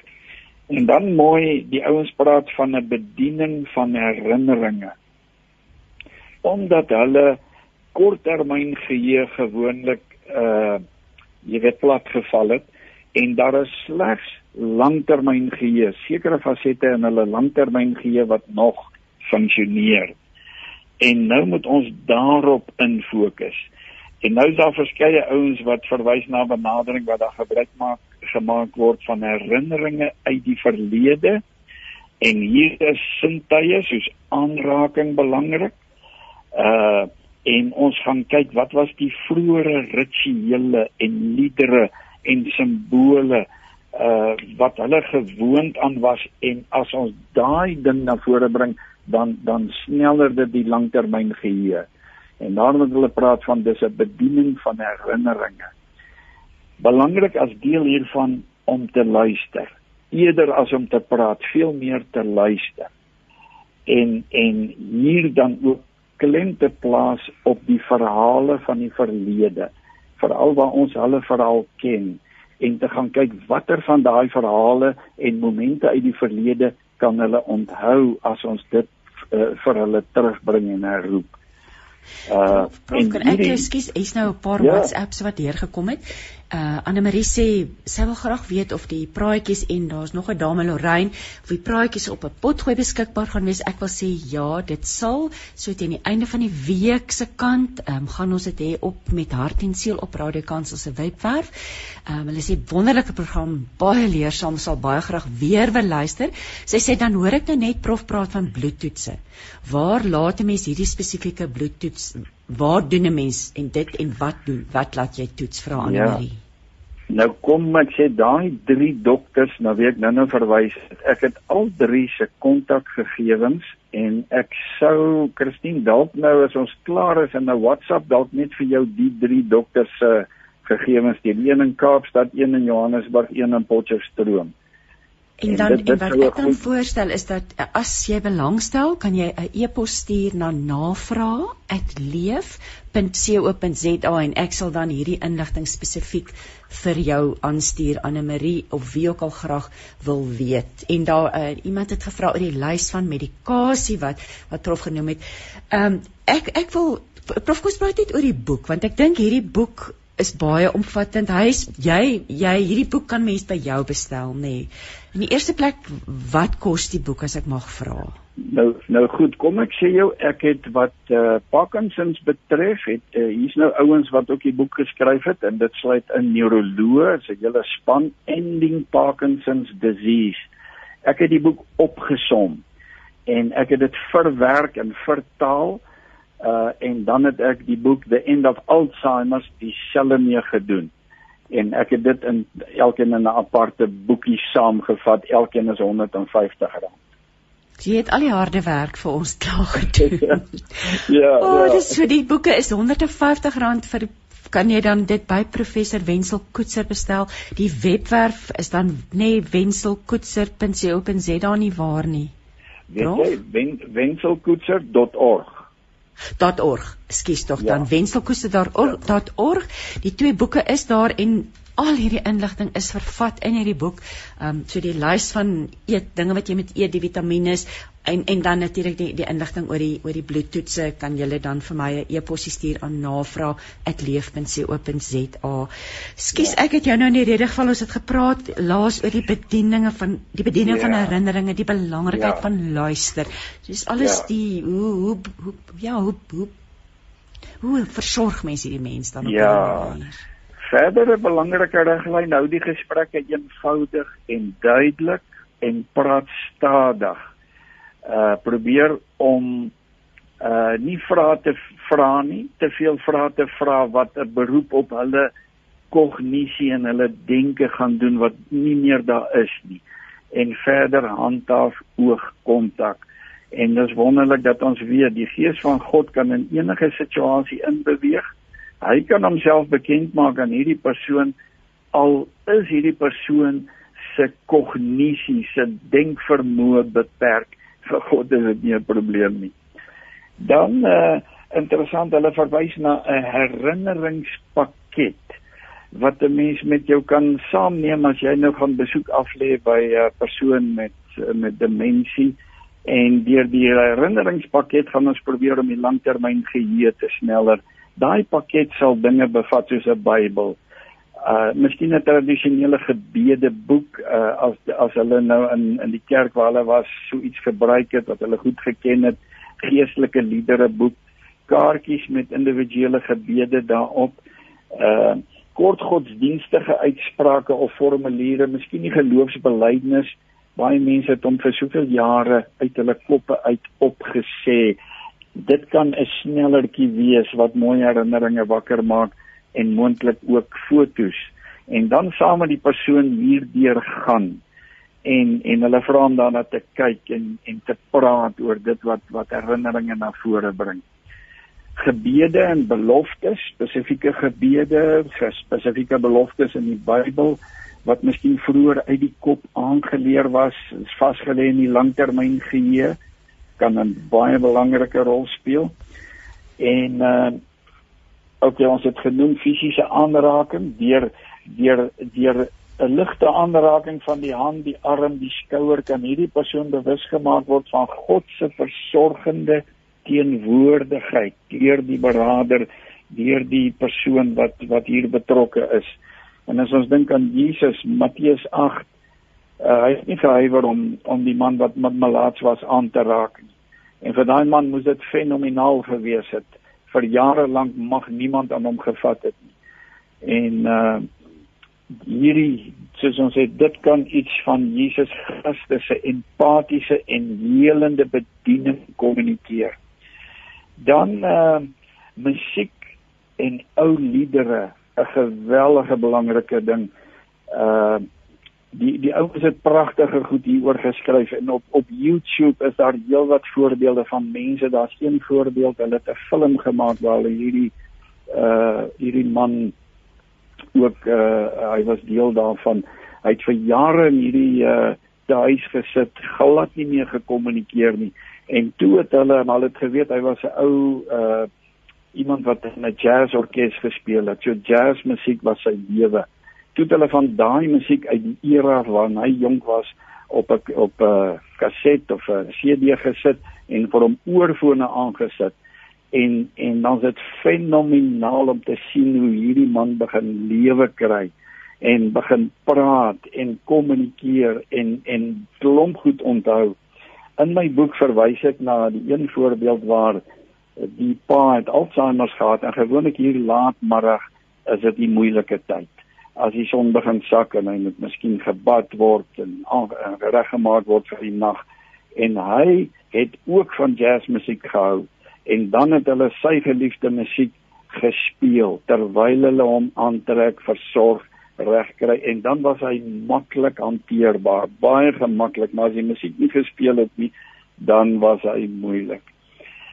Simbole en gebeure uit die verlede wat herinneringe uh, sneller dit kan uh, ook 'n Bybel, 'n kruis, 'n kersie uh dan uh, elemente van die nagmaal, die brood, die wyn, pragtige uh, verhale oor hoe van hierdie pasiënte as hulle nagmaal gebruik het, skielik 'n klomp herinneringe na vore gekom het. En en te midde van dit alles die rol van gebed. Ons weet gebed kan deurdring na die diepste vlakke van 'n mens se menswees al al kan jou jou jou denke nie meer veel onthou nie. Gebed is kragtig. En dan die laaste uh iemand wat mooi geskryf het, hy toe en hulle is betrokke by 'n uh, uh, oord waar daar heelwat pasiënte met demensie is in verskillende grade. Hy het uiteindelik so wat hy noem 'n voorgestelde erediens liturgie vir demensie pasiënte. En dit sal dan tipies wees uh, baie min aspekte wat 'n beroep op jou geheue maak. As ons in 'n normale erediens sit, dan maak ons 'n beroep op mense se geheue. Hulle moet onthou verhale uit die Bybel, en geskiedenis en baie dinge op hierdie mense se geheue kan jy nie 'n beroep maak nie. Alles gaan oor hier en nou. Bekende skrifgedeeltes, kort skrifgedeeltes wat wat hulle waarskynlik gaan ken. Bekende liedere, 'n tydjie van gebed, geen preek of praatjie nie, maar in die plek van 'n formele preek iets soos 'n gelykenis stadig en duidelik voor te lees. En dan sê hulle die mense wat dan kom bywoon, die wat nog bietjie meer skerp is, hulle moet vir hulle opvou stoel bring, dan moet hulle langs die ou wat in die rystool is gaan sit sodat hulle hom of haar kan help wat miskien nie die liedere meer kan opsoek of die skrifgedeeltes kan opsoek nie. So as ons dan hier moet saamvat kan ons sê deur teenwoordig te wees by hulle, vir hulle die woord te lees met hulle en vir hulle te bid uh, kan hulle langtermyn geheue geaktiveer word om God te onthou en vrede en gemoedsrus in sy liefdevolle teenwoordigheid te ervaar.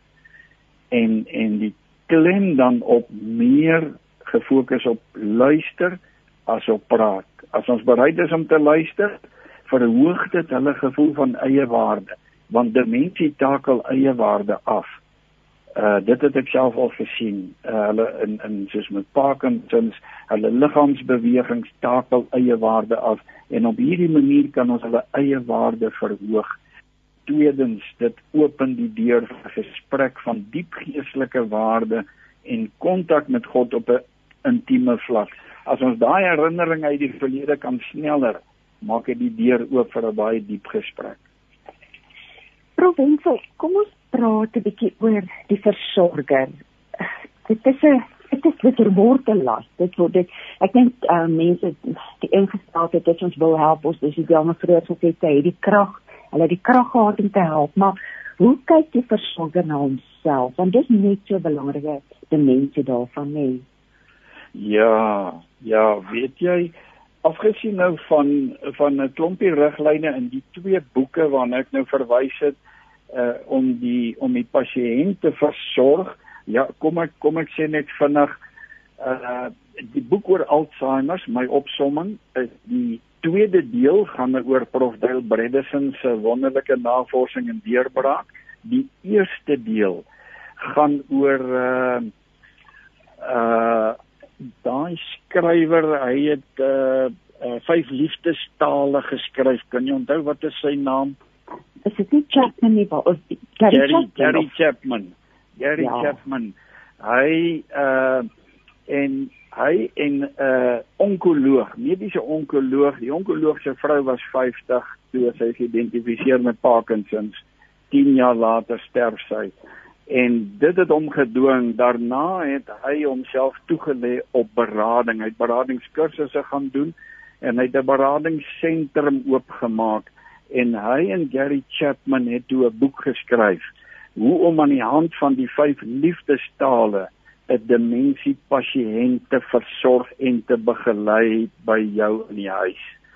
En daai daai uh, beradingsentrum waar dit egpare is nog in 'n vroeë stadium, daar doen hulle berading en hulle gee praktiese riglyne. So hierdie boek van my die eerste deel 'n opsomming van hierdie boek van Gary Chapman en die onkoloog en uh praktiese begeleiding. Die tweede deel die van uh, Prof Dale Bredesen maar weet jy in al die literatuur beklemtoon hulle die belangrikheid van die die versorging van die die die versorgers. Daar's so dikwels een persoon wat die swaarste las dra. En baie keer as gevolg van finansiële druk is hulle nie die familie is nie in staat om permanente versorgers aan te stel nie. En as dit heel dikwels of die man wat sy vrou versorg of die vrou wat haar man versorg, en die dag is as die een die pasiënt sterf weet jy kort daarna dan knak hierdie versorger want dis net adrenalien wat haar gemotiveer het om aan te gaan maar fisies kon sy nie meer nie.